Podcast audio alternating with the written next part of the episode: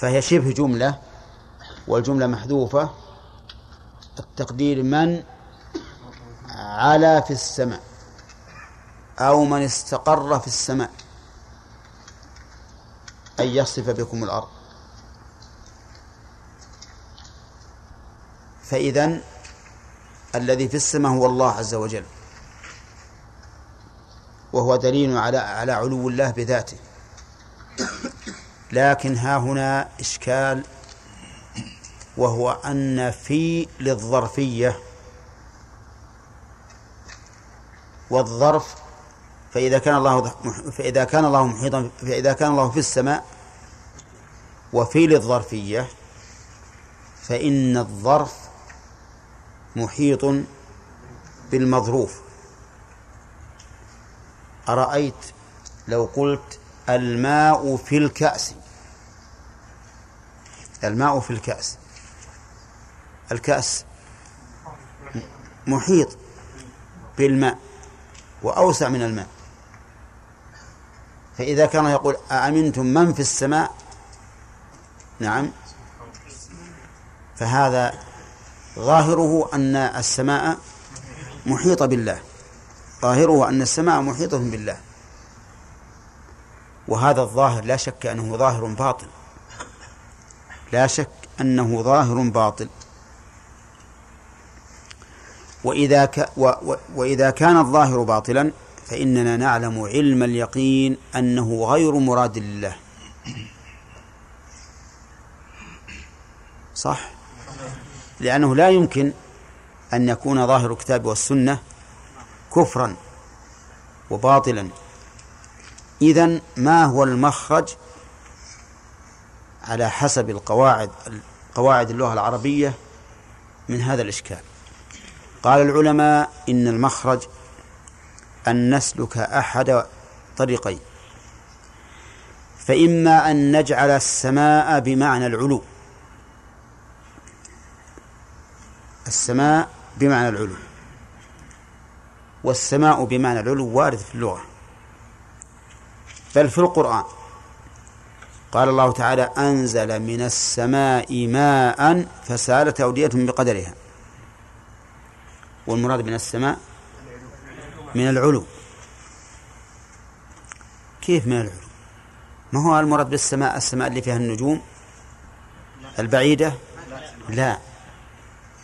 لأن الماء هذا ينزل من السحاب وقد قال الله تعالى والسحاب المسخر بين السماء والأرض.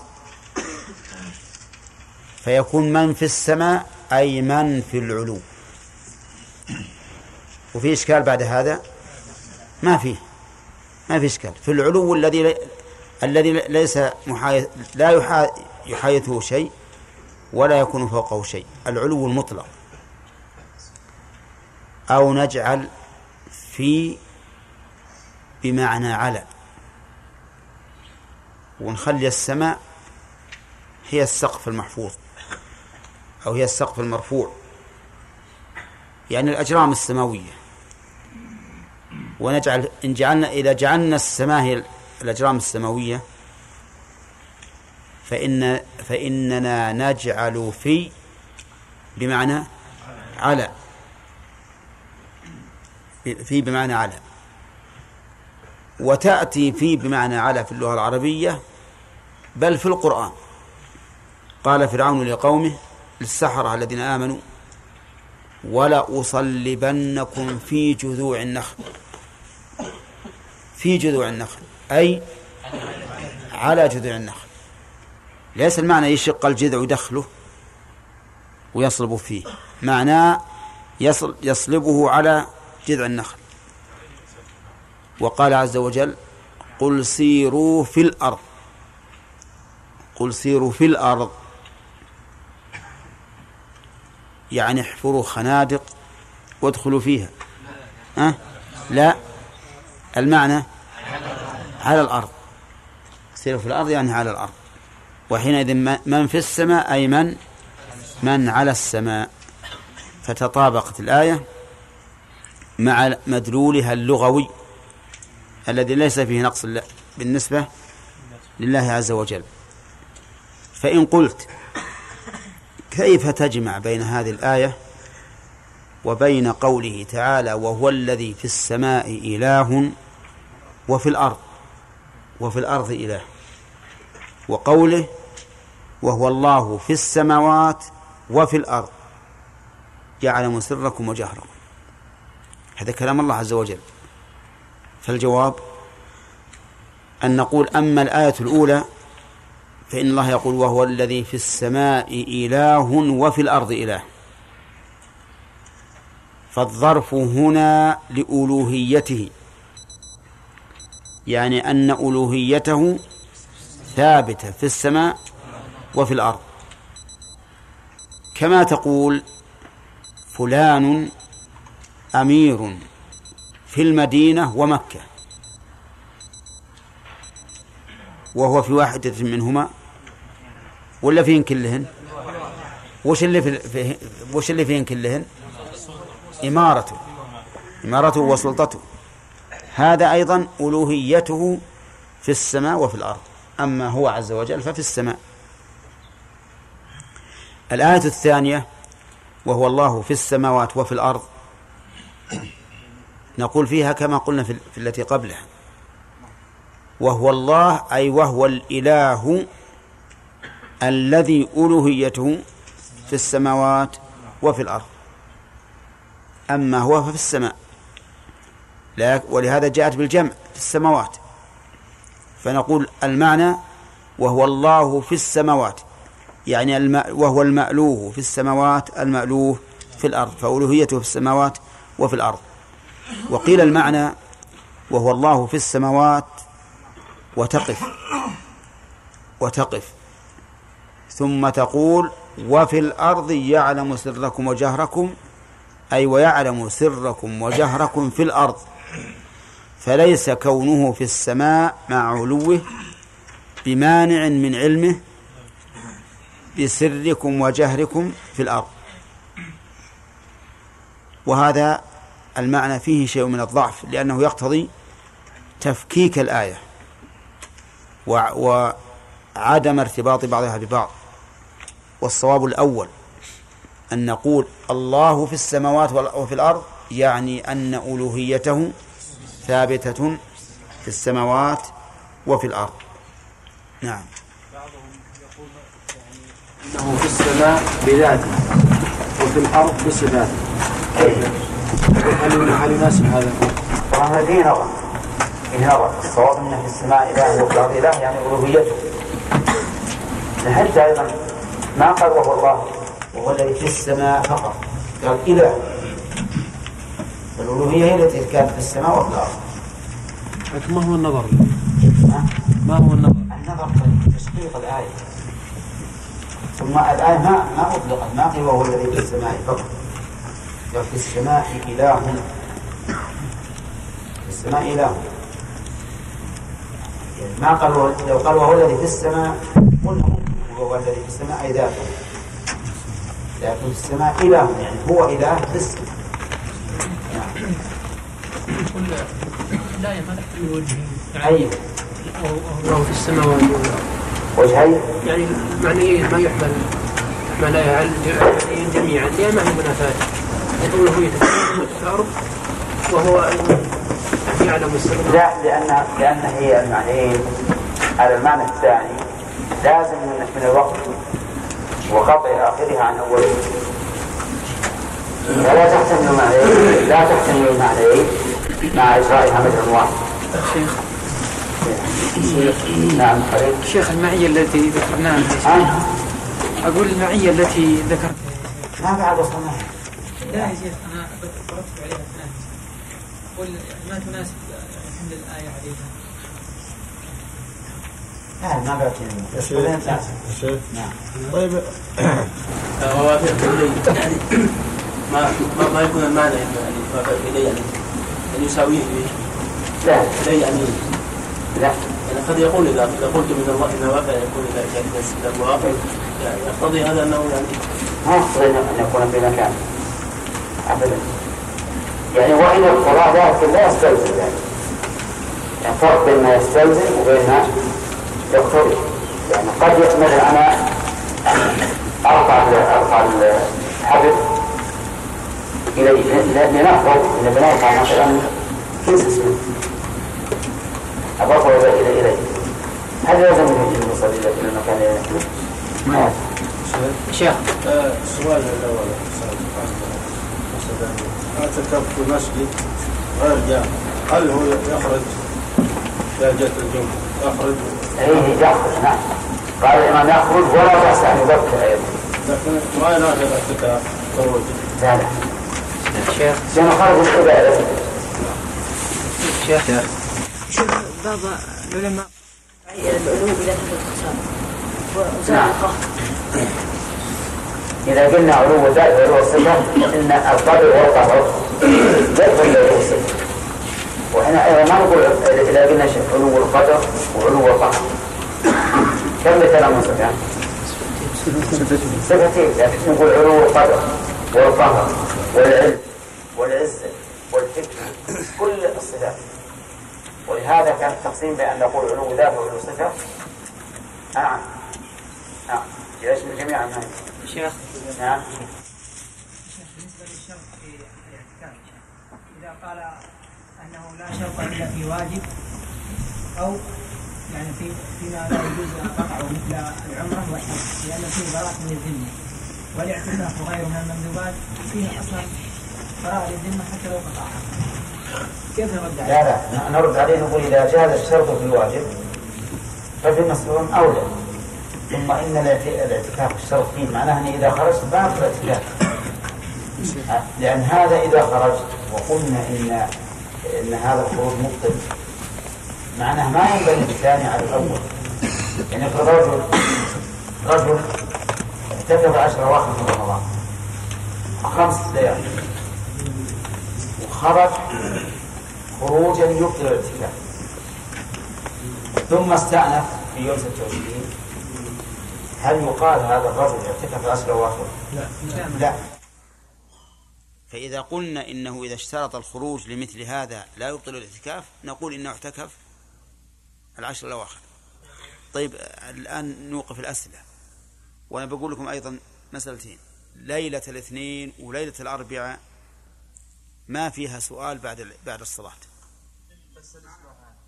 كل أسبوع. ها؟ لا بس. لكن الله يجزاكم خير أنتم حريصين على العلم. فيعرف الشيء من عندكم ولكنه ينكر للتطبيق العملي. نعم. نعم. نعم. الرحيم الحمد لله رب العالمين. سبق لنا أن المؤلف رحمه الله ذكر آيات العلو وذكرنا أن العلو من صفات الله الذاتية اللازمة له سبحانه وتعالى. وأنه قد دل عليها الكتاب والسنة والإجماع والعقل والفطرة. وسبق لنا من الفوائد المسلكية في هذا أن الإنسان إذا علم بأن الله تعالى فوق كل شيء فإنه يعرف مقدار سلطانه وسيطرته على خلقه. وحينئذ يخافه ويعظمه. وإذا خاف الإنسان ربه وعظمه فإنه يتقيه ويحذر وي- ويقوم بالواجب ويدع المحرم. أما الآن فالمؤلف رحمه الله يريد أن يسوق أدلة المعية أي أدلة معية الله عز وجل أدلة معية الله لخلقه وناسب أن يقولها أن يذكرها بعد العلو. لأنه قد يت قد يتراءى للإنسان أن هناك تناقضا بين كونه فوق كل شيء وكونه مع العباد. فكان من المناسب جدا أن يذكر الآيات التي تثبت معية الله للخلق بعد ذكر آيات العلو. معية الله عز وجل تنقسم إلى قسمين. إلى عامة وخاصة. إلى عامة وخاصة. والخاصة تنقسم إلى مقيدة بشخص ومقيدة بوصف. مقيدة بشخص ومقيدة بوصف. أما العامة فهي التي تشمل كل أحد من مؤمن وكافر وبر وفاجر. فإن الله تعالى مع كل أحد. كما قال تعالى وهو معكم أينما كنتم؟ وأما الخاصة المقيدة بوصف فمثل قوله تعالى واعلموا أن الله مع الصابرين إن الله مع الذين اتقوا والذين هم محسنون. وهي أخص من الأولى لأنها لا تت... لأنها مقيدة بأوصاف محبوبة إلى الله. ولا لا؟ طيب. الخاصة أيضا تكون مقيدة بوصف ومقيدة بشخص. بشخص معين. مثل قوله لا تحزن إن الله معنا. وقال لموسى وهارون إنني معكما أسمع وأرى. وهذه أخص من التي قبلها. شوف درجات. عامة مطلقا. وخاصة بوصف مقيدة بوصف وهي إيش؟ دون تلك في العموم. ومقيدة بشخص وهي خاصة أيضا وهي دون ما قيد بوصف. فأخص أنواع المعية ما قيد بشخص ثم ما قيد بوصف ثم ما كان عاما. واضح؟ هذه المعية التي أثبتها الله لنفسه. هل هي حقيقية أو هي كناية عن علم الله عز وجل وسمعه وبصره وقدرته وسلطانه وغير ذلك؟ أكثر عبارات السلف رحمهم الله يقولون إنها كناية عن العلم. وكذا وعن السمع والبصر والقدرة وما أشبه ذلك. فيجعلون معنى قوله وهو معكم أي وهو عالم بكم سميع لأقوالكم بصير بأعمالكم آه، قادر عليكم حاكم بينكم وهكذا.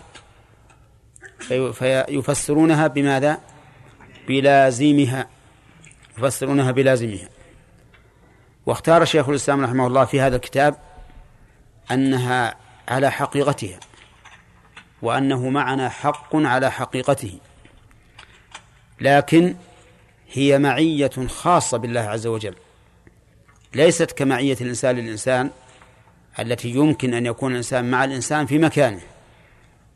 أما نعم لأن معية الله عز وجل معية وهو في في علوه ومعنا وهو عال على عرشه فوق كل شيء.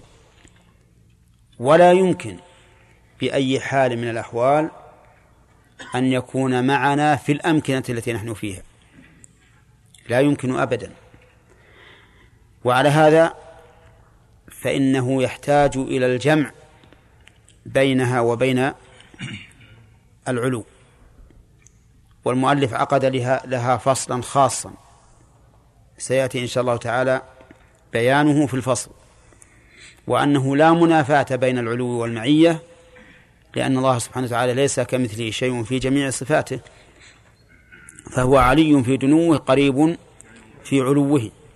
وضرب شيخ الإسلام رحمه الله لذلك مثلا بالقمر قال إن إنه يقال ما زلنا نسير والقمر معنا. وهو موضوع في السماء.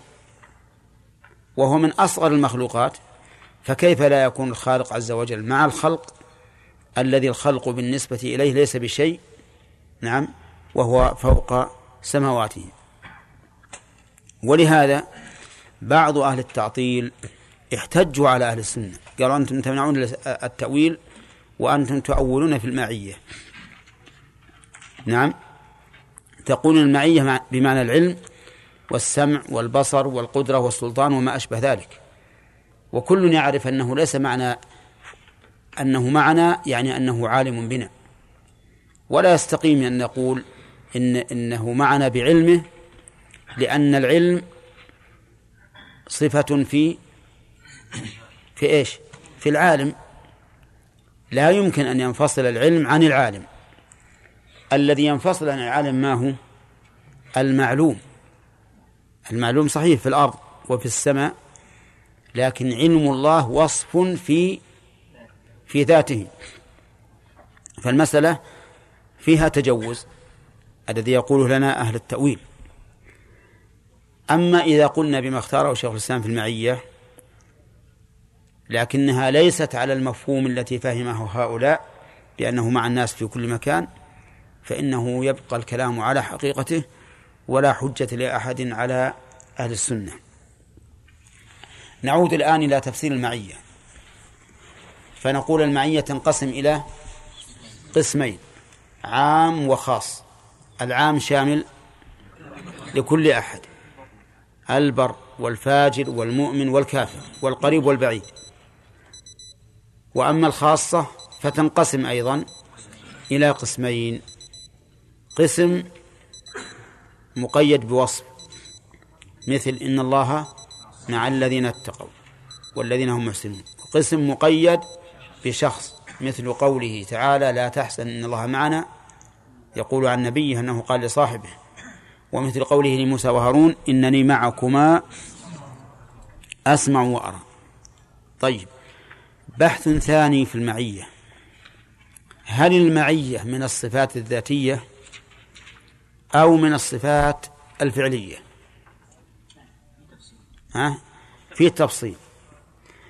أما المعية التي معناها الإحاطة أو مقتضاها الإحاطة فهي ذاتية لأن الله لم يزل ولا يزال محيطا بالخلق علما وقدرة وسلطانا إلى آخره. وأما المعية الخاصة فهي معية فهي صفة فعلية. كيف؟ لأن كل صفة مقرونة بسبب فهي من الصفات الفعلية. هذا الضابط. سبق لنا الرضا من الصفات الفعلية لأنه مقرون بسبب. إذا وجد السبب الذي به يرضى الله وجد الرضا. كذلك المعية. إذا وجدت التقوى من الإنسان صار الله معه. وجد الصبر صار الله معه. وجد الإحسان صار الله معه. فهي من الصفات الفعلية. البحث الثالث في المعية هل هي حقيقة أو لا؟ وذكرنا ذلك. أن من السلف من فسرها باللازم وهو الذي لا يكاد يرى الإنسان سواه. ومنهم من قال هي على حقيقتها لكنها معية تليق بالله خاصة به لا يمكن أن يكون الله سبحانه وتعالى مع الإنسان في الأرض. بخلاف معية المخلوق المخلوق فقد يقترن فقد يجتمعان في مكان وقد يفترقان. شوف حتى معية المخلوق المخلوق ما هي مو لازم يجتمعان في مكان. يقال فلان زوجته معه وهو في مكة وهي في الرياض مثلا. يختلفون. طيب. البحث الرابع في المعية هل بينها وبين العلو تناقض؟ الجواب لا. جواب لا تناقض بينهما. لوجوه ثلاثة. لوجوه ثلاثة.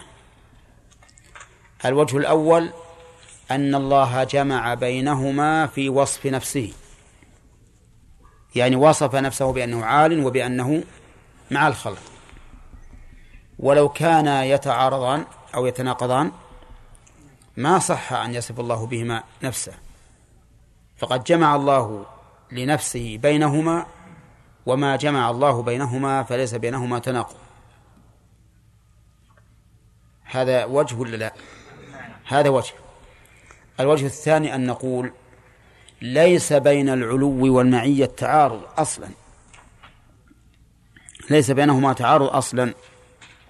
إذ من الممكن أن يكون الشيء عاليا وهو معك. يكون الشيء عاليا عليك وهو معك. ومنه ما يقوله العرب القمر معنا ونحن نسير الشمس معنا ونحن نسير القطب معنا ونحن يسير. نسير؟ وأين مكانه؟ ها؟ في السماء فوق. وهو معك. فإذا أمكن اجتماع العلو والمعية في المخلوق فاجتماعهما في الخالق من باب أولى. طيب. الوجه الثالث أن نقول لو فرضنا أن بينهما تناقضا في المفهوم باعتبار المخلوق. لو فرضنا أن بينهما تناقضا في المفهوم باعتبار المخلوق فإن ذلك لا يلزم باعتبار الخالق. لظهور التباين بين الخالق والمخلوق. يعني لو قال قائل ما يمكن يصير المخلوق فوقك ومعك نقول لو فرضنا أن هذا غير جائز نعم غير جائز في المخلوق فإنه لا يمتنع في حق الخالق لأن صفات الخالق تليق به وصفات المخلوق تليق به مع أن العلو والمعية في المخلوق لا, لا, لا, لا يتنافيان كما قلت. أرأيت لو أن إنسانا على جبل عال وقال للجنود اذهبوا إلى مكان بعيد في المعركة بعيد جدا وأنا معكم وهذا حاط المنظار على على عينيه. نعم. ينظر إليهم من بعيد. صار معهم ولا لا؟ ها؟ صار معهم. صار معهم لأنه الآن يبصرهم كأنه بين يديه. وهو بعيد وهو بعيد عنه. فالأمر ممكن في حق المخلوق. كيف لا يمكن في حق الخالق؟ بل لو قلت إنه يتعذر في حق المخلوق لم يكن متعذرا في حق الخالق لأن الله أعظم وأجل. ولا يمكن أن تكون صفات المخلوق أو ولا يمكن أن تقاس صفات الخالق بصفات المخلوق. واضح؟ وسيأتي إن شاء الله تعالى الكلام على الآيات التي ذكر المؤلف. نعم. محمد. اي لا معي. ما هم مخباتك معلوم. لكن معنا نمشي وهذا اي لكن حقيقة معنا مو في المكان. في المكان لا. لا يا أخي. الشيء قد يكون معك. الآن الآن بندر مثل معي. ولا لا؟ وخالد أمزيني معي. صح ولا لا؟ وبينهم فرق بالقرب والبعد؟ بينهم فرق. فقد يكون شيء معك بعيد. فإذا كان لا يغيب عنك لا عن سمعك ولا عن بصرك ولا عن قدرك وسلطانك فهو معك. له بعيد. لا ما نتصورها لا. كيفية ما تصورها لا نتصور. نستطيع الله عز وجل فوق كل شيء. ها؟ ما يخفى عليه شيء من أعمالنا. يرانا ويسمعنا وله السلطة علينا والقدرة والسلطان وكل شيء. هنا.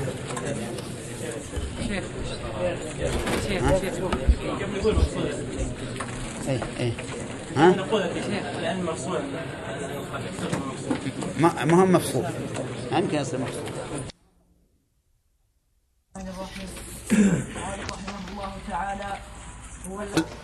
يقول وهو معكم أينما كنتم.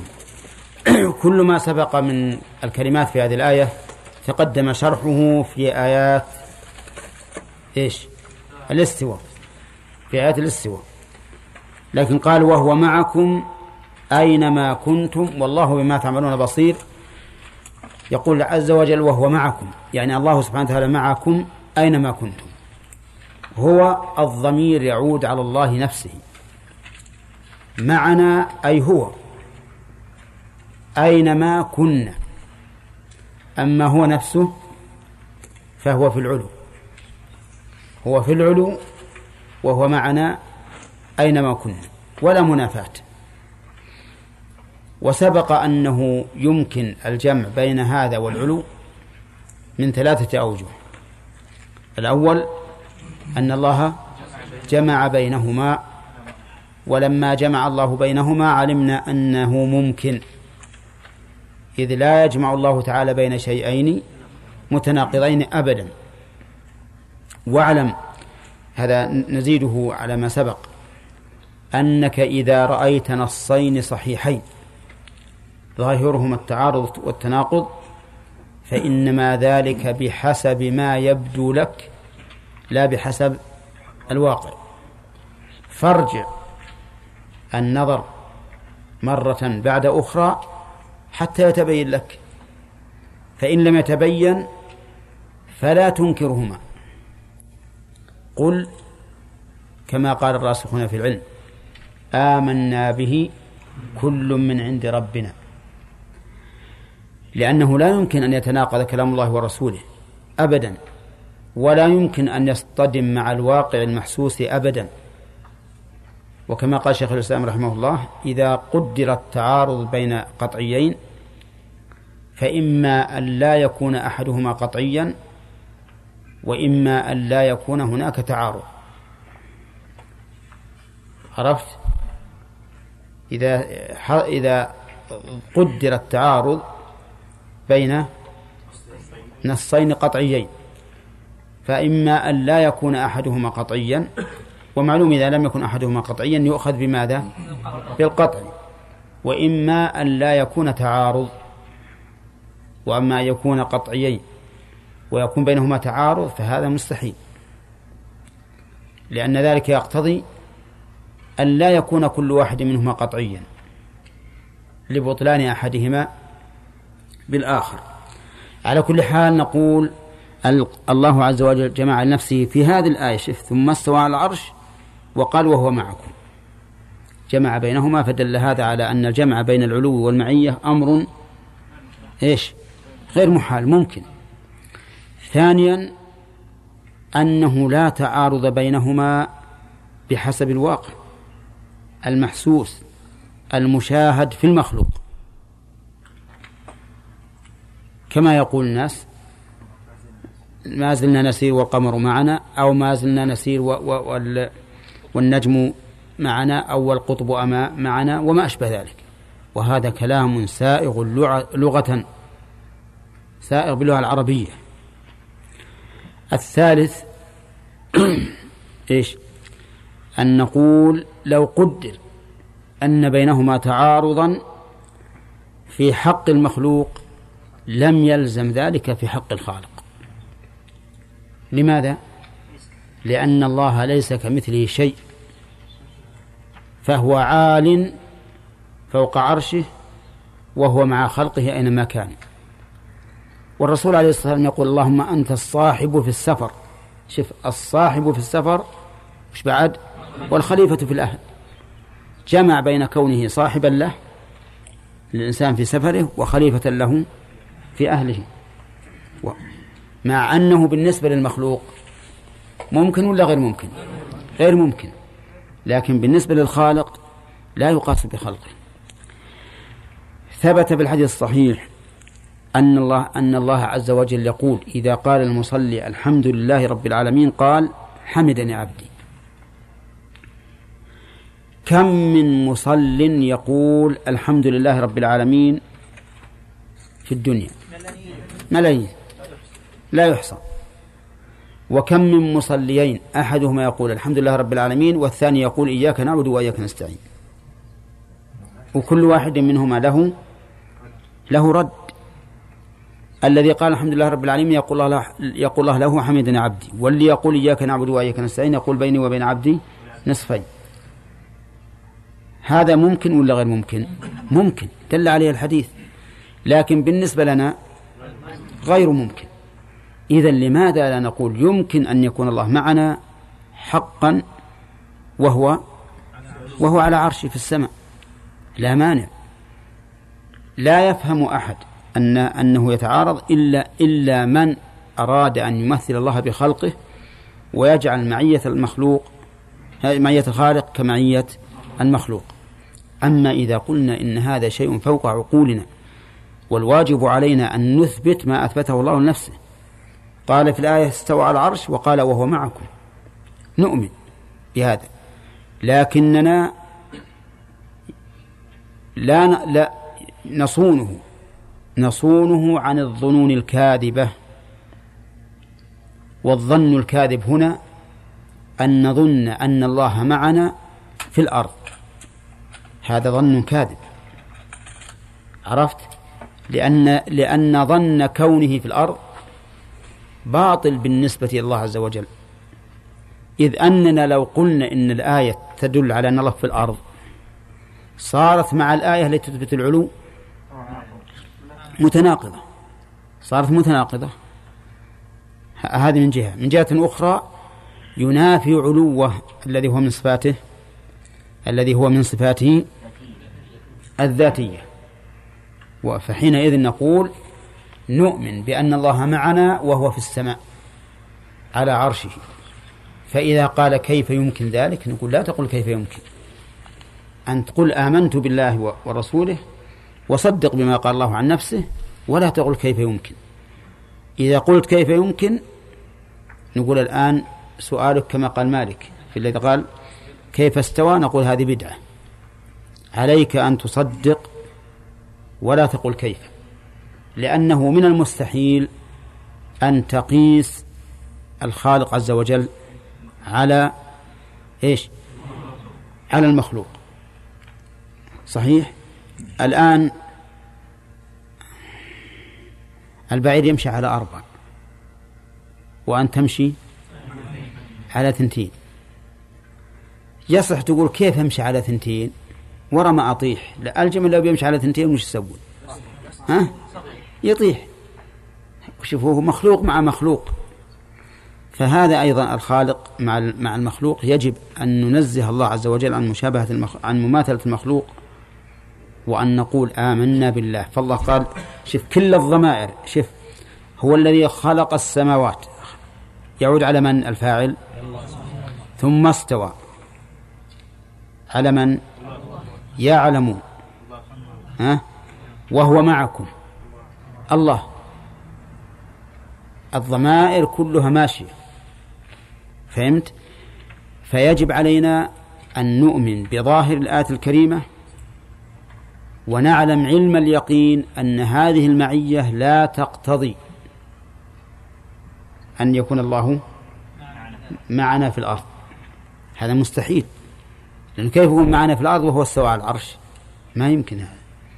نقول هو معنا مع استوائه على العرش. هو معنا مع استوائه على العرش. هذه المعية إذا آمنا بها تثبت لنا يعني توجب لنا خشية الله عز وجل وتقواه. ولهذا جاء في الحديث أفضل الإيمان أن تعلم أن الله معك حيثما كنت. تعلم أن الله معك حيثما كنت. طيب. هل أهل التعطيل أقروا بهذا وأثبتوا ذلك لله كما نثبته؟ لا. أهل التعطيل قالوا إن الله معنا في أمكنتنا. أعوذ بالله. إن كنت في المسجد فالله معك في المسجد واللي في السوق الله معهم في السوق واللي في الحمامات أعوذ بالله الله معهم في الحمامات. ما نزهوا عن الأقذار والأنتان وال- وأماكن اللغو والرفث. قالوا بذاته. هذا القول نحن نريد أن نبطله. أولا نقول ما دليلهم وما الرد عليهم. نقول ما دليلهم ولا ما شبهتهم؟ ما شبهتهم لأنه ليس بدليل ما عندهم دليل. شبهتهم يقولون معنا ظاهر اللفظ وهو معكم. وكل الضمائر تعود على الله والذي خلق ثم استوى يعلم وهو معكم. كل الضمائر على الله. وإذا كان معنا فنحن لا نفهم من المعية إلا المخالطة في المكان والمصاحبة في المكان. انتبه. عرفتم؟ نعم. ولا لا يا حمد؟ إيش شبهتهم؟ إيه أنه قوله تعالى نأخذ بظاهر الآية مم. وهو معكم أينما مم. كنتم نأخذ بظاهرها أن الله. كل الضمائر في خلق واستوى ويعلم كلها لله. إذن وهو معكم وش اللي طلع عن الله. فنحن نأخذ بظاهره عرفتم؟ طيب. إذن كيف نجيبهم على ذلك؟ نجيبهم على ذلك بأن ظاهرها ليس كما ذكرتم. ليس كما ذكرتم. لو كانت لو كان الظاهر كما ذكرتم لكان لكان في الآية تناقض. أن يكون مستوى العرش وهو مع كل إنسان في أي مكان. صح؟ تناقض. والتناقض مم- ممنوع. هذا واحد. ثانيا قولكم إن المعية لا تعقل إلا مع المخالطة أو المصاحبة في المكان. هذا ممنوع.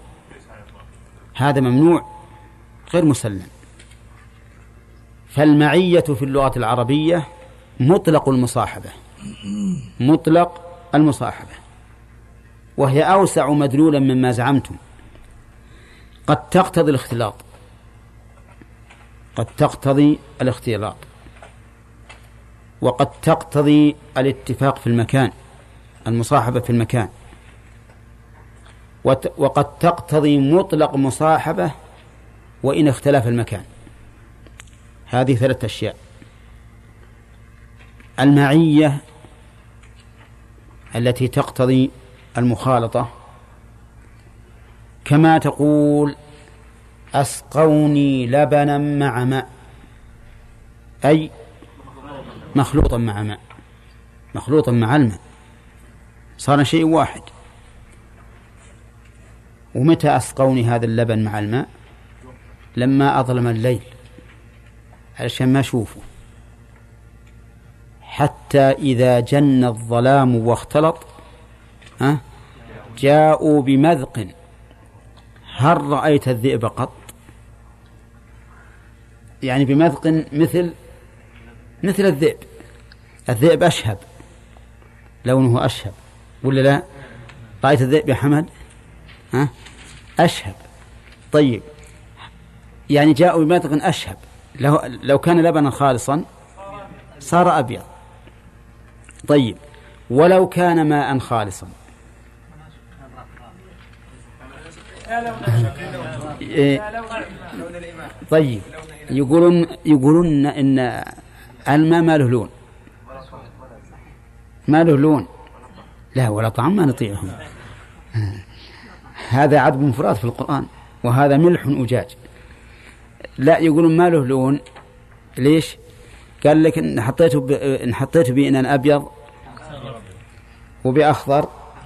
صار أخضر. صح؟ أي نعم. على كل حال ما علينا من هذه يمكن هذه مسألة طبيعية ما نعرف عنها. لكن الكلام على على أن هذا اختلاط هذه معية. معية نوعها إيش؟ مخالطة. طيب. ويقال جاء فلان مع فلان. جاء فلان مع فلان. أي مقترنين. في مكان واحد ولا لا؟ ها؟ طيب. في مكان واحد. يمشيان جميعا وينزلان جميعا. ويقال المعية التي لا تقتضي الاختلاط ولا المشاركة في المكان فلان مع جنوده. فلان مع جنوده. وإن كان هو في غرفة القيادة بعيد. لكن يوجههم. إذن هذا في اختلاط؟ مشاركة في مكان؟ لا. ويقال زوجة فلان معه وإن كانت هي في المشرق وهو في المغرب. فالمعية إذن كما قال شيخ الإسلام ابن تيمية رحمه الله وكما هو ظاهر من شواهد اللغة مدلولها إيش؟ مدلولها المصاحبة المطلقة. أو إن شئت فعبر وهو أصح مطلق المصاحبة. مطلق المصاحبة ثم هي بحسب ما تضاف إليه. فإذا قيل إن الله مع الذين اتقوا فلا يقتضي ذلك لا اختلاطا ولا مشاركة في المكان بل هي معية لائقة بالله. فدعواكم أن المعية في قوله هو معكم لما كنتم تقتضي الاختلاط؟ هذا دعوة باطلة. أولا لأن هذا ليس لازما في اللغة العربية. والشيء الثاني لأن هذا محال بالنسبة إلى الله عز وجل. إذن فليس ظاهر الآية ما زعموا. ثالثا نقول زعمكم هذا والعياذ بالله من أبطل الباطل وأشد التنقص لله عز وجل. والله عز وجل ذكرها هنا عن نفسه متمدحا بها أو متنقصا. عز وجل متمدحا بها متمدحا بها أنه مع علوه على عرشه فهو مع الخلق وإن كانوا أسفل, أسفل منه.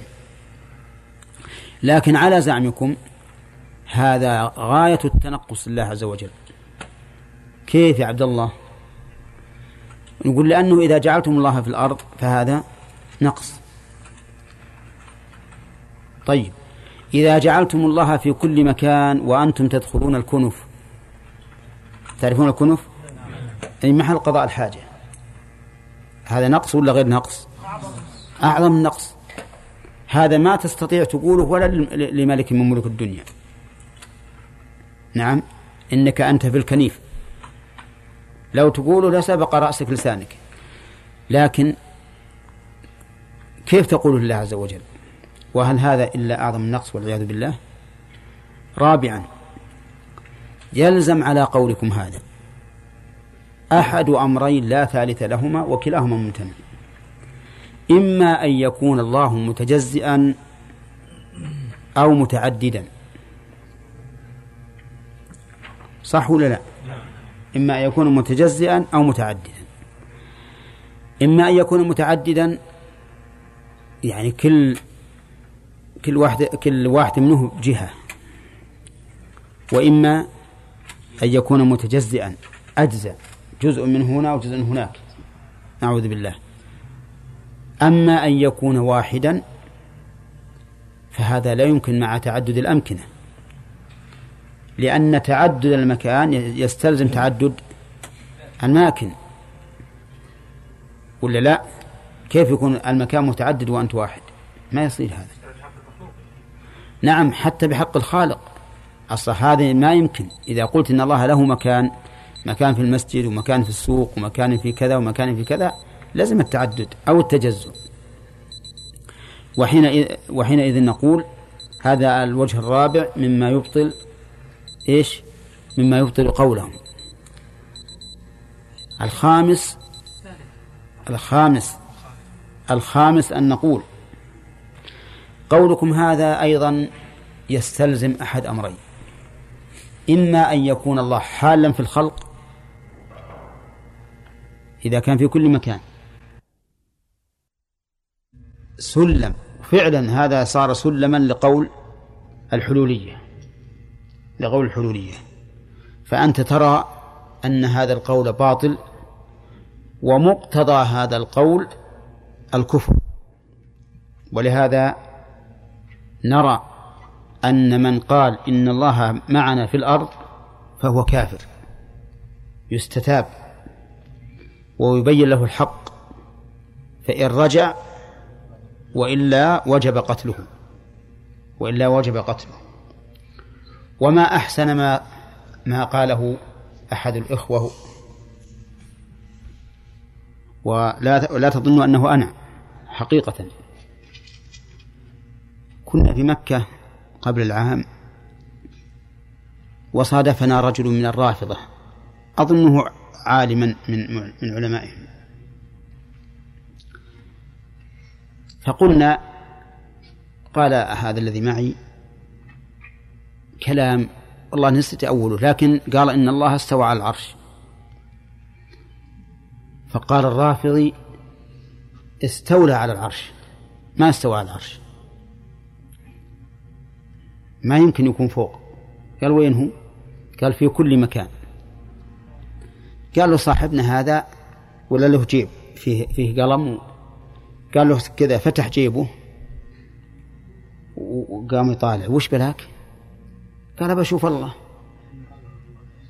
يقول صاحبنا له يتهكم به. إذا قلت إن الله في كل مكان معناه أن الله موجود في جيبك الآن. نعم. فلما رأينا النزاع بطول بينهما بدون فائدة في الواقع تركنا الموضوع. المهم أن هذا نكتة ولكنها لاذعة لهذا الرجل. طيب إذا قلنا وهو معكم أينما نعم ماذا نقول في قوله تعالى وهو معكم أينما كنتم أمن المعية العامة أم الخاصة؟ العامة لأنها تقتضي الإحاطة في الخلق علما وقدرة وسلطانا وسمعا وبصرا وغير ذلك من معاني الربوبية. قال والله بما تعملون بصير. ما بعد جاء وقت. وش اللي انتهى؟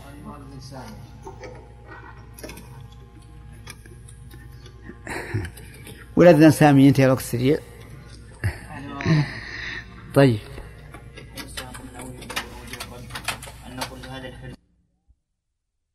الآن في في آيات المعية لله عز وجل.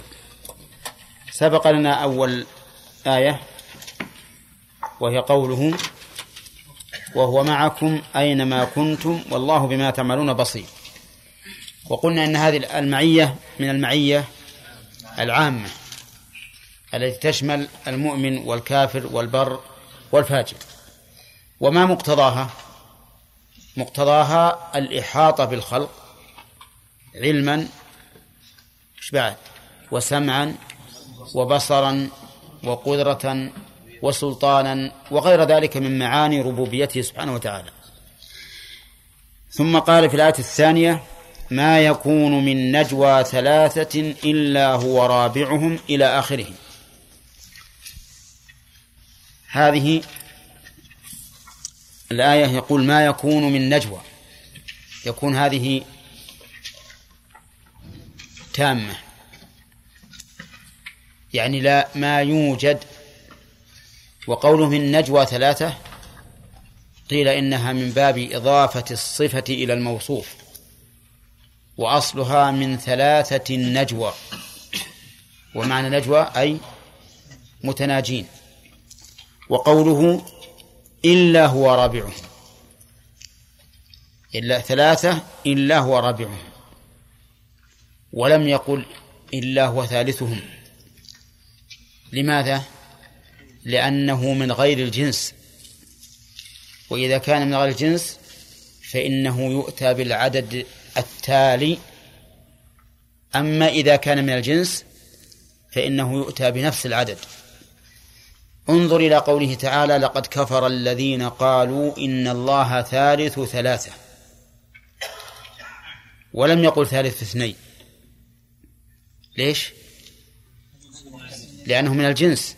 على زعمهم على زعم النصارى كل الثلاثة آلهة. إن الله ثالث ثلاثة. لما كان من الجنس على زعمهم قيل فيه ثالث ثلاثة. في أصحاب الكهف سيقولون ثلاثة ها رابعهم كلبهم. لم يقل أربعة رابعهم كلبهم. ليش؟ لأن الكلب ليس منهم. ويقول خمسة سادسهم كلبهم ويقول, ويقول سبعة وثامنهم كلبهم. واضح يا جماعة؟ ما يكون من نجوى ثلاثة إلا هو رابعهم ولم يقل إلا هو ثالثهم. ليش؟ لأنه ليس من الجنس. فهذا خالق والنجوى مخلوقون. ولا خمسة إلا هو سادسهم. ولا خمسة إلا هو سادسهم. ذكر العدد الفردي ثلاثة وخمسة. وسكت عن العدد الزوجي. ولا أدنى من ذلك شف هذا عم معد ولا أدنى من ذلك وش أدنى من ثلاثة؟ لا ثلاثة. أدنى منهم اثنين لأن واحد ما يمكن تناجع. من نجوى ثلاثة أدناه اثنين. ولا أكثر أكثر من ستة أو خمسة؟ خمسة نعم. ولا أكثر من خمسة؟ طيب. هل يشمل ولا أدنى من ذلك الأربعة؟ نعم لأنها أدنى من من الخمسة. طيب. ولا أكثر إلا هو معهم أينما كان ما من اثنان فأكثر يتناجيان؟ في أي مكان من الأرض إلا والله عز وجل معهم. إلا وهو معهم. أينما كان. وهذه المعية عامة ولا خاصة؟ عامة. لأنها تشمل كل أحد. المؤمن والكافر والبر والفاجر. ومقتضاها الإحاطة بهم علما وقدرة وسمعا وبصرا وسلطانا وتدبيرا وغير ذلك من معاني ربوبيته. ثم قال ثم ينبئهم بما عملوا يوم القيامة. هذه النتيجة. يعني هذه المعية تقتضي إحصاء ما عملوه.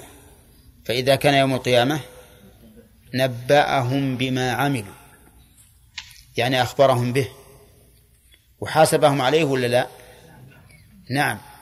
لأن المراد بالإنباء لازمه وهو المحاسبة. نعم.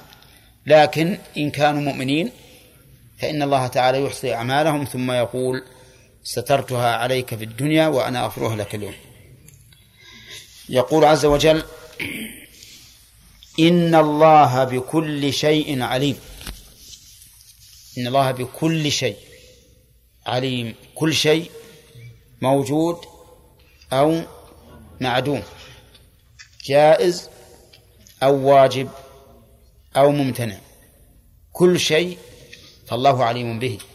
وقد سبق لنا في في الكلام على صفة العلم أن علم الله يتعلق بكل شيء.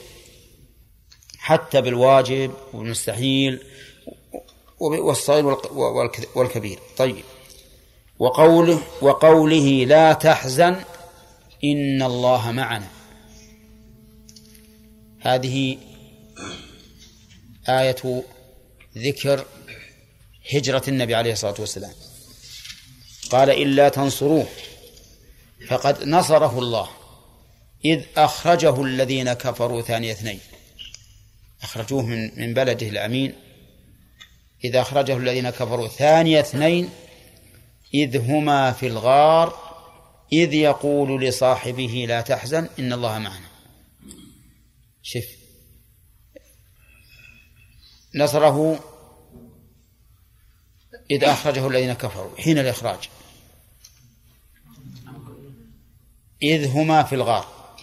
هذه اثنين. يعني عند الخروج وعند المكث في الغار. ثالثا عند الشدة حينما وقف المشركون على فم الغار. إذ يقول لصاحبه لا تحزن. فهذه ثلاث ثلاثة مواقع بين الله تعالى فيها نصره لنبيه صلى الله عليه وسلم. الأول حين إخراج الكافرين له الثاني حين مكث في الغار ونزل فيه وهذا الثاني والثالث حين وقف المشركون عليهم يقول أح يقول أبو بكر يا رسول الله لو نظر أحدهم إلى قدمه لأبصرنا. يعني نحن على خطر. كقول أصحاب موسى لما وصلوا إلى البحر إنا لمدركون. هذا قال كلا إن معي ربي سيهدين وهذا قال لا تحزن إن الله معنا. نعم. هذا أبلغ من من قصة موسى. لأن موسى لم يقل لا تحزنوا. فقال إن معي ربي سيهدين وهذا قال لا تحزن فطمأنه وأدخل الأمن في نفسه وعلل ذلك بقوله إن الله معنا. وقوله هنا لا تحزن هل المراد لا تخف؟ أو لا تحزن على ما وقع. يحتمل معنيين إما أن المعنى لا تحزن يعني لا تخف على المستقبل. أو لا تحزن على ما حصل, ما حصل فإننا منصورون. إن الله معنا. وهذه المعية خاصة مقيدة بشخص. النبي عليه الصلاة والسلام وأبي بكر. هذه المعية تقتضي مع الإحاطة التي هي المعية العامة إيش؟ النصر والتأييد. النصر والتأييد. ولهذا وقفوا على الغار وقالوا ما في أحد. أعمى الله بصائرهم. أعمى الله أبصارهم. أعمى الله أبصارهم. نعم. وأما قول من قال إن العنكبوت نسجت على الغار والحمامة وقعت على باب الغار. يوم لما جاء المشركون وإذا على الغار حمامة وعش عنكبوت قالوا ما في أحد. انصرفوا فهذا هذا باطل. هذا باطل بلا شك. الحماية الإلهية العجيبة الآية أن يكون الغار مفتوحا صافيا ما فيه مانع حسي ومع ذلك لا يرونه هذه الآية. أما أن تأتي حمامة ويجي عنكبون تعشش هذا بعيد. وخلاف ظاهر الحديث. يقول لو نظر أحدهم إلى قدمه لأبصرنا معناه أنهم واقفين عند الباب. الحمامة لو وقفوا عند الباب وين تروح؟ تطير. ما تبقى فالمهم إن بعض المؤرخين الله يعفو عنا عنهم يأتون بأشياء غريبة شاذة منكرة ما يقبلها العقل. فضلا عن النقل. طيب. يقول وقال إنني معكما أسمع وأرى. هذا هذا الخطاب لموسى وهارون. لما أمرهما الله عز وجل أن يذهبا إلى فرعون قال اذهبا إلى فرعون إنه طغى. فقولا له قولا لينا لعله يتذكر ويخشى. قال ربنا إننا نخاف أن يفرط علينا أو أن يطغى. ماذا قال؟ قال لا تخافا إنني معكما أسمع وأرى. المعية هنا خاصة ولا عامة؟ مقيدة بشخص معكما. وقوله أسمع وأرى هذه جملة استنافية لبيان مقتضى هذه المعية وهو السمع والرؤية. وهذا السمع والرؤية أيضا سمع ورؤية خاصة. تقتضي النصر والتأييد والحماية من فرعون الذي قال إننا نخاف أن يفرط علينا أو أن يطغى. طيب وقال إن الله مع الذين اتقوا والذين هم محسنون. إن الله مع الذين اتقوا والذين هم محسنون. هذه جاءت بعد قوله وإن عاقبتم فعاقبوا بمثل ما عوقبتم به ولئن صبرتم لهو خير للصابرين. عقوبة الجاني بمثل ما عوقب به من باب التقوى. وبأكثر ظلم وعدوان. والعفو ولئن صبرتم هذا إحسان. هذا إحسان. لهذا قال إن الله مع الذين اتقوا والذين هم محسنون. طيب المعية هنا خاصة مقيدة بصفة. كل من كان من المتقين المحسنين فالله معه. طيب هذا يثمر لنا بالنسبة للحالة المسلكية الحرص على إيش؟ على الإحسان والتقوى. لأن كل إنسان يحب أن يكون الله معه. إذا أردت أن تكون أن يكون الله معك فكن متقيا ومحسنا. قال واصبروا إن الله مع الصابرين. سبق لنا مرارا وتكرارا أن الصبر يا طلال تعريفه أي نعم تعريفه هو لغة الحبس آه. وشرعا آه. هو صبر على طاعة الله حبس النفس على آه. حبس النفس. الجزاء واللسان عن التصرف والجوارح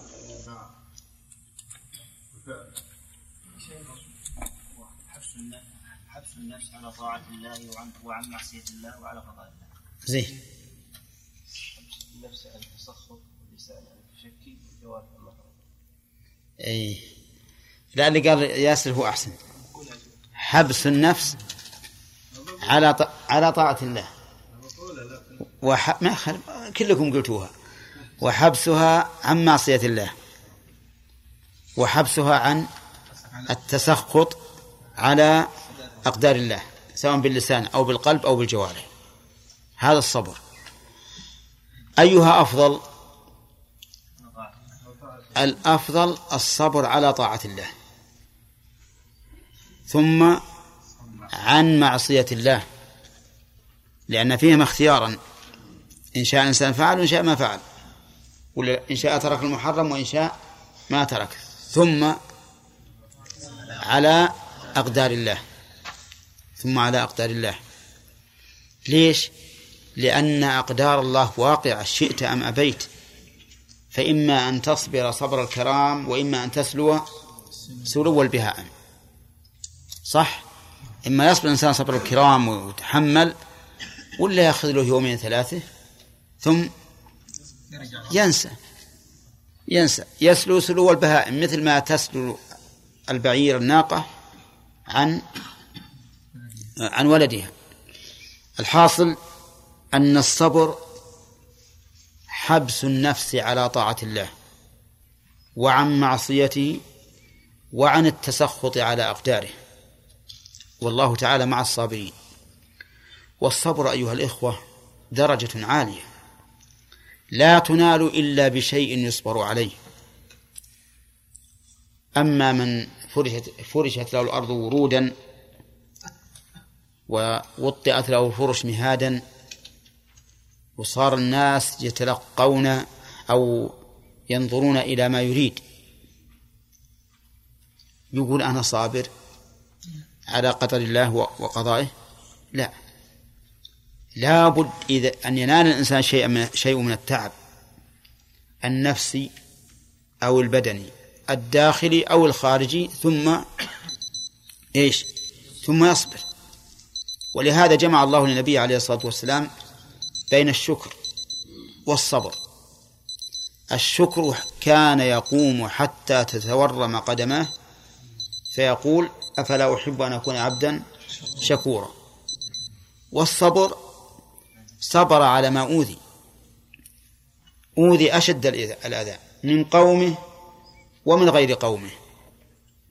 ولا لا؟ من قومه ومن اليهود ومن المنافقين. ومع ذلك فهو صابر. نعم. قال كم من فئة قليلة غلبت فئة كثيرة بإذن الله. والله مع الصابرين. كم هذه تكثيرية ولا استفهامية؟ خبرية. يعني تفيد التكثير. يعني فئات كثيرة فئات قليلة غلبت فئة كثيرة عدة مرات. لكن لا بحولهم ولا قوتهم بل بإذن الله أي بقدره. ومن ذلك أصحاب طالوت. أولى غلبوا عدوهم وكانوا كثيرين. ومن ذلك أصحاب بدر. غلبوا قريشا وهم كثيرون. أصحاب بدر خرجوا للقتال يا محمد نور. ها؟ ها؟ ها؟ معي. زين. أصحاب بدر خرجوا لغير قتال. خرجوا لأخذ عير أبي سفيان. وأبو سفيان لما علم بهم أرسل صارخا إلى أهل مكة يقول أنقذوا عيركم. محمد وأصحابه خرجوا إلينا بيأخذون العير. والعير فيها أرزاق كثيرة لقريش. فخرج قريش بأشرافها وأعيانها وخيلائهم وبطرهم. خرجوا من ديارهم بطرا ورئاء الناس. يظهرون والعياذ بالله القوة. والفخر والعزة. حتى قال أبو جهل والله لا نرجع حتى نقدم بدرا فنقيم فيها ثلاثا. ننحر الجزور ونسقي الخمور وتضرب علينا القيان وتسمع بنا العرب فلا يزالون يهابوننا أبدا. والحمد لله. غنوا عليه لكن على إيش؟ على موته. نعم. غنوا على موته هو ومن معه ولله الحمد. كان هؤلاء القوم ما بين تسعمائة وألف. ما بين تسعمائة وألف. كل يوم ينحرون من الإبل تسع إلى عشر. تسع إلى عشر. والنبي عليه الصلاة والسلام هو أصحابه ثلاثمائة وأربعة عشر رجلا. معهم سبعون بعيرا وفرسان فقط. سبعون بعير وفرسين فقط. يتعاقبونهم. ومع ذلك قتلوا الصناديد الصناديد العظيمة والعياذ بالله لقريش. حتى جيفوا وانتفخوا من من الشمس وسحبوا إلى قريب من قلوب بدر. نعم خبيثة. وقف النبي عليه الصلاة والسلام عليهم يدعوهم بأسمائهم وأسماء آبائهم. يا فلان بن فلان يا فلان بن فلان يا فلان بن فلان. هل وجدتم ما وعد ربكم حقا؟ فإني قد وجدت ما وعدني ربي حقا اللهم صل وسلم نعم. قالوا يا رسول الله كيف تكلمهم وهم جيف؟ قال ما أنتم بأسمع لما أقول منهم. الله أكبر. يسمعون توبيخ الرسول عليه الصلاة والسلام لهم. وأنه وجد ما وعد حق ما وعده ربه حقا وأنتم وجدتم ما وعد ربكم حقا. فكم من فئة غلبت فئة كثيرة بإذن الله وفئة قليلة غلبت فئة كثيرة بإذن الله. لماذا؟ لأن الفئة القليلة صبرت. والله مع الصابرين. صبرت على إيش؟ صبرت على كل أنواع الصبر. على طاعة الله وعن معصية الله وعلى ما أصابها من الجهد والتعب والمشقة في تحمل أعباء الجهاد. والله مع الصابرين. انتهت آيات المعية وسيأتي للمؤلف رحمه الله فصل كامل في تقريرها. ولكن ما هي الثمرات التي نستفيدها من الإيمان بأن الله معنا؟ هي أولا الإيمان بإحاطة, بإحاطة الله عز وجل بكل شيء. وأنه مع علوه فهو مع خلقه. لا يغيب عنهم شيء من عنه شيء من أحوالهم أبدا. ثانيا أننا إذا علمنا ذلك وآمنا به محمد نور آمنا به. فإن ذلك يوجب لنا إيش؟ القيام بطاعته كمال المراقبة بالقيام بطاعته وترك معصيته بحيث لا يفقدنا حيث أمرنا ولا يجدنا حيث نهانا. وهذه ثمرة عظيمة لمن آمن بهذه المعية. طيب بقي علي سؤال وهو قوله تعالى يستخفون من الناس ولا يستخفون من الله وهو معهم إذ يبيتون ما لا يرضى من القول. هذه معية خاصة ولا عامة؟ عامة خاصة. بقى واحد بيقول لا عامة ولا خاصة. ها؟ شوف يستخفون من الله من الناس ولا يستخفون من الله وهو معهم إذ يبيتون. ما لا يرضى من القول. هل هؤلاء المبيتون كل الناس؟ ها؟ خاصة. طيب خاصة بعيب ولا بوصف؟ ترى القضية واقعت في ناس معينين. إذا معين بشخص. طيب هل تقتضي النصر والتأييد؟ لا.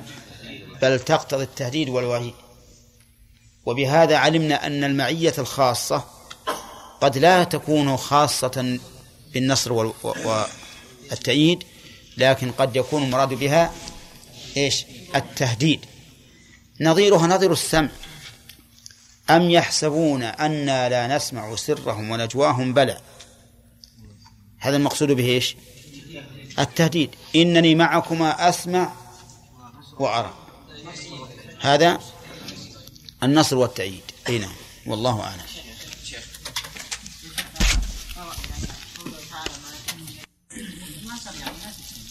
ها؟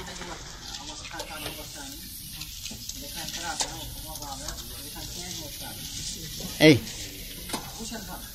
ها؟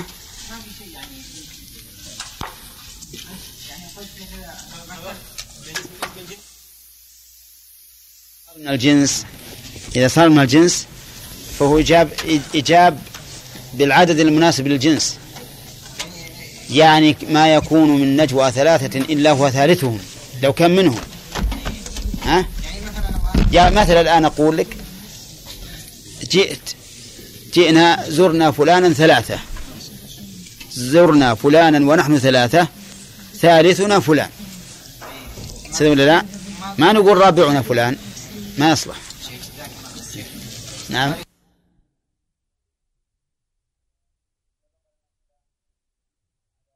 سبق لنا الكلام على المعية وأنها من صفات الله عز وجل التي أثبتها لنفسه وأنها تجرى على حقيقتها كسائر الصفات.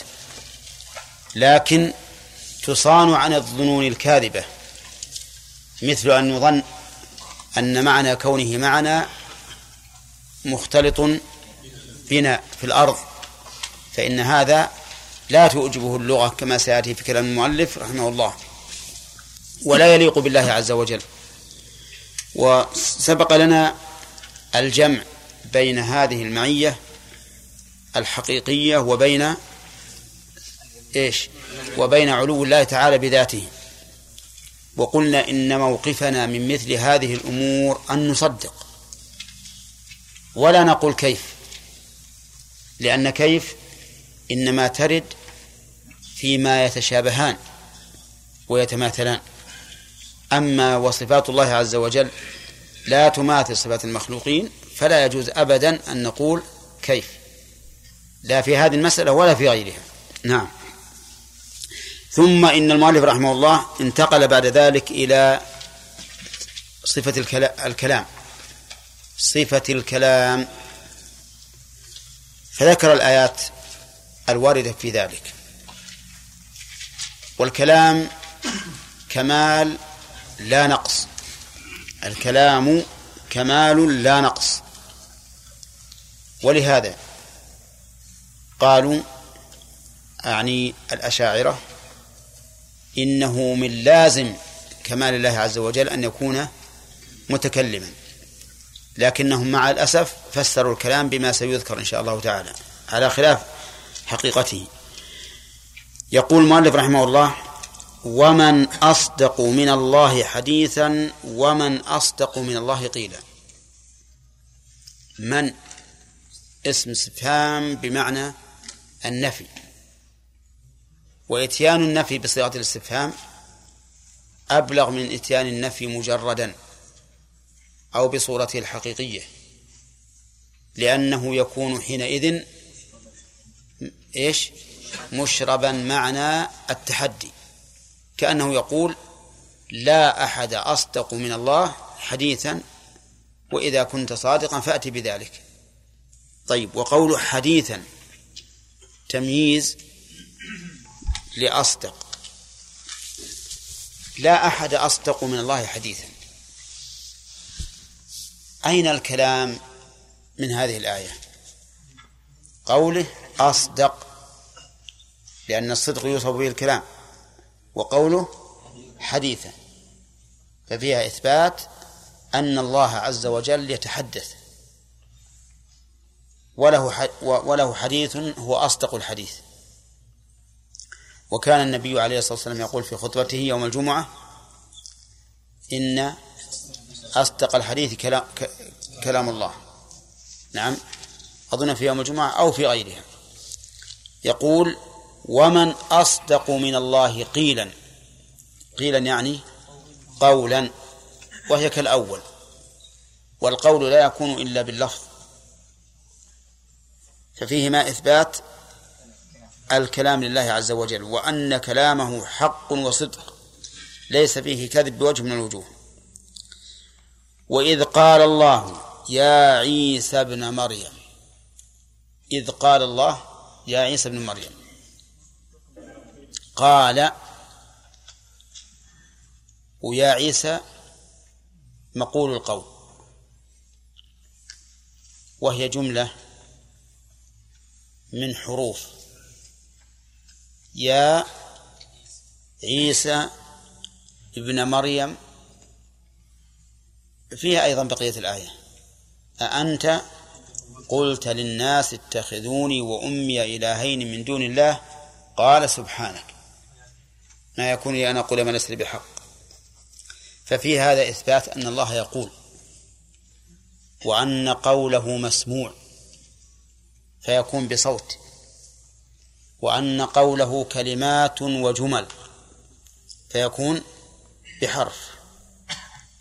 ولهذا يقول أهل السنة والجماعة نحن نؤمن بأن الله تعالى يتكلم استمع العقيدة نؤمن بأن الله يتكلم بكلام حقيقي متى شاء كيف شاء بما شاء بحرف وصوت. لا يشبه أصوات المخلوقين. هذه هذه القاعدة. نؤمن بأن الله يتكلم كلاما حقيقيا. إيش بعد؟ يتكلم بما شاء. متى شاء؟ كيف شاء؟ بحرف وصوت لا يشبه أصوات المخلوقين. طيب متى شاء؟ باعتبار إيش؟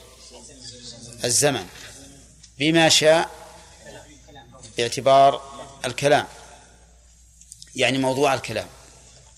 من أمر أو نهي أو غير ذلك. كيف شاء؟ يعني على الكيفية والصفة التي يريدها سبحانه وتعالى. واضح؟ طيب. وقلنا إنه بحرف وصوت لا يشبه أصوات المخلوقين.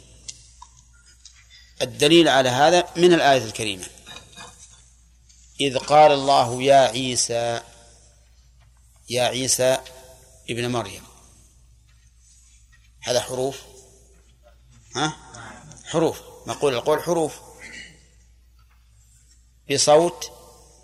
نعم. لأن عيسى يسمع. طيب لا يشبه أصوات المخلوقين لأن الله ليس كمثله شيء وهو السميع البصير. طيب ولما جاء موسى لميقاتنا وكل قبل الشيء. نعم. وتمت كلمة ربك صدقا وعدلا. تمت كلمة وفي قراءة كلمات ومعناهما واحد. لأن كلمة مفرد مضاف فيعم.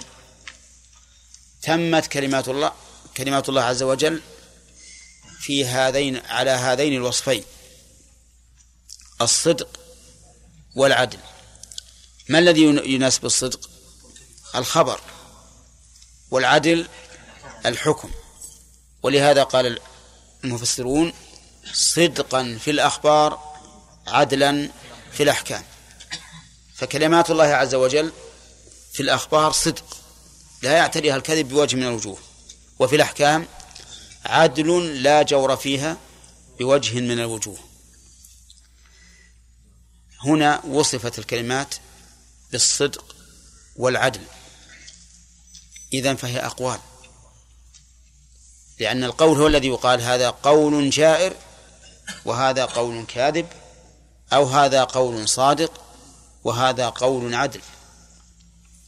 فتمت كلمة الله في صدقها وعدلها لأنه عز وجل ليس في أخباره كذب ولا في أحكامه جور. وتمت كلمة ربك صدقا وعدلا. طيب يقول وكلم الله موسى تكليما. كلم الله موسى تكليما. الله فاعل فالكلام واقع منه. وتكليما مصدر مؤكد. والمصدر المؤكد قال العلماء إنه ينفي احتمال المجاز. ينفي احتمال المجاز. أرأيت؟ لو قلت جاء زيد. ماذا تفهم؟ أفهم أنه جاء هو نفسه. ويحتمل أن يكون المعنى جاء خبر زيد. في احتمال وإن كان خلاف الظاهر لكن إذا أكدت فقلت جاء زيد نفسه أو جاء زيد زيد. أكدت انتفى. احتمال المجاز. كلم الله موسى تكليما. لما قال تكليما أكد الفعل فدل ذلك على أنه كلام حقيقي لأن المصدر ينفي احتمال المجاز. طيب كلام الله عز وجل لموسى كلام حقيقي سمعه ولا ما سمعه؟ سمعه. سمعه. ولهذا جرت بينهما محاورة كما في سورة طه وغيرها فسمعه. وحينئذ نقول إن كلام الله بحرف وصوت. طيب. أهل التعطيل وهنا يحسن أن نتكلم على مذهبهم. خالف أهل السنة في في كلام الله الذي وصفناه آنفا خالفهم طوائف. بلغت أقوالهم إلى سبعة أقوال أو ثمانية. نذكر منها قولين لشهرتهما. وهما قول المعتزلة وقول الأشاعرة. المعتزلة يقولون إن الله يتكلم بحرف وصوت مسموع لكن كلامه يا جمال مخلوق كسائر المخلوقات. فيقال تكلم مثل خلق. كلامه حرف وصوت مسموع متعلق بمشيئته لكنه بائن منه ليس من صفاته. بل مخلوق من جملة المخلوقات. فتكليم الله لموسى ليس معناه أن الكلام خرج من الله لكن الكلام خلق في الشجرة خلق في جانب الطور خلق في الهواء فسمعه موسى. وليس الكلام صفة من صفاته. وحينئذ عطل الله عز وجل من صفات الكمال. لأن الكلام كمال. وهم يقولون الكلام مستحيل على الله. مستحيل. فعطل الله من هذه الصفة الكاملة بمجرد عقولهم الفاسدة. لكنهم يقولون بحرف. يوافقون أهل السنة وصوت. متعلق بمشيئته. صح؟ طيب. يخالفونهم في أنه ليس صفة من صفات الله بل مخلوق وأهل السنة والجماعة يقولون صفة غير مخلوق. أما الأشاعرة فيقولون إن كلام الله عز وجل ليس بحرف ولا صوت ولا يتعلق بمشيئته بل هو معنى قائم بنفسه لازم له كلزوم الحياة والعلم. هؤلاء الأشاعرة. يقولون الله تعالى لا يتكلم بحرف ولا صوت ولا يتعلق الكلام بمشيئته بل هو من صفاته اللازمة له كلزوم الحياة والعلم. كما أن الله سبحانه وتعالى موصوف بالحياة ولا نقول إنها تتعلق بمشيئته. موصوف بالعلم ولا نقول أنه يتعلق بمشيئته لأن هذا من صفات اللازمة. هم يقولون الكلام كذلك من صفات الله اللازمة. طيب كيف يكون من صفاته اللازمة وهو يسمع أحيانا وأحيانا لا يسمع؟ قال الذي يسمع أصوات يخلقها الله وحروف يخلقها الله لتعبر عما في نفسه. لتعبر عما في نفسه. أما أنها هي كلامه لا. ما هي كلامه عرفتم؟ طيب. هؤلاء خالفوا أهل السنة في عدة أوجه أولا قالوا إن الكلام معنى لا بحرف ولا صوت. ثانيا قالوا إنه لازم لحياته لا يتعلق بمشيئته بل هو لازم له كلزوم الحياة والعلم. لا يتعلق بمشيئته. ليس إذا شاء تكلم وإذا شاء لم يتكلم بل الكلام لازم. عرفتم؟ ثالثا أن ما يسمع مخلوق مخلوق من المخلوقات. أهل السنة والجماعة يقولون ما يسمع هو صفة صفة الكلام. طيب. الذي في المصاحف يقرأه الناس الآن هل هو كلام الله عندهم؟ لا. هذا عبارة عن كلام الله. خلقه الله ليعبر عما في نفسه. المعتزلة يقولون الذي نقرأ في القرآن كلام الله. شوف الفرق. هؤلاء جعلوه عبارة عن الكلام وهؤلاء قالوا هو هو الكلام. فصار موافقة المعتزلة لأهل السنة أكثر من موافقة الأشاعرة لأهل السنة. قال بعض المحققين منهم الواقع أنه لا فرق بيننا وبين المعتزلة لأننا اتفقنا جميعا على أن الموجود بيننا من كلام الله مخلوق. لكن المعتزلة يقول هو هو كلام الله ونحن نقول عبارة عن كلام الله. طيب ما الذي أوجب للمعتزلة أن يقولوا إن الكلام مخلوق؟ لأنهم لا يؤمنون بصفات الله. يسلب يثبتون إيش؟ الأسماء دون الصفات. فإذا لم يكن إلا صفة لا سمع ولا بصر ولا كلام ولا غيره صار هذا الذي يسمع إيش؟ قول يا إخوان ليس صفة ليس صفة. فيبقى مخلوقا من المخلوقات. الأشاعرة الذي أوجب لهم أن يقولوا إن الكلام لا يتعلق بالمشيئة لأنهم ينكرون قيام الأفعال الاختيارية بالله. يقول لو قلنا إنه يتكلم بمشيئته لزم حلول الحوادث به. وما تحل به الحوادث فهو حادث. إذن الكلام لا يتعلق بمشيئته بل هو صفة لازمة له. حقيقة الأمر عند الأشاعرة أن كلام الله ليس كلام الله بل هو علم الله. لأنه يقول هو هو ما في نفسه هو ما في نفسه. واضح يا جماعة؟ طيب. القول السليم ولله الحمد هو ما عليه أهل السنة والجماعة أن الكلام صفة من من صفاته. ليس شيئا بائنا منه مخلوقا وأن كلامه متعلق بمشيئته. يتكلم متى شاء. وش بعد؟ بما شاء كيف شاء. ها؟ بحرف وصوت لا يشبه أصوات المخلوقين. هذا هو الحق وهو الواضح. ولا أحد يفهم من النصوص إلا هذا. إلا من فسدت فطرته والعياذ بالله. طيب قلنا يتكلم بما شاء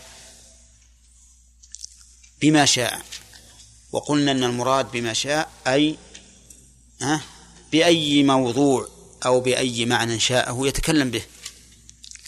ألا يمكن أن نقول ويتكلم أيضا بأي لغة شاء؟ ونجعل بما شاء من حيث اللغة ومن حيث موضوع الكلام. يصلح ولا ما يصلح؟ نعم يصلح. يصلح. أن يتكلم بأي لغة شاء عز وجل. طيب لأنه يخاطب عيسى بأي لغة؟ بلغته السريانية وموسى كذلك بلغته العبرية ومحمد عليه الصلاة والسلام في لغته العربية. طيب آه، نمشي مع, مع هذا. المعتزلة على أي شيء أو بأي شيء يردون الآية وكلم الله موسى تكليما. يقولون إن الكلم في اللغة العربية بمعنى الجرح. كما في قوله صلى الله عليه وسلم ما من مكلوم يكلم في سبيل الله إلا جاء يوم القيامة وجرحه يثعب دما. والكلم بمعنى الجرح. ومعنى كلم جرح. جرح موسى. كيف جرح موسى؟ أعوذ بالله. نعم. يعني موسى ألذ ما يكون عنده تلك الساعة التي كان الله يناجيه فيها. وهم يقولون جرحه. قال ما جرح ما هو معناه جاب السكر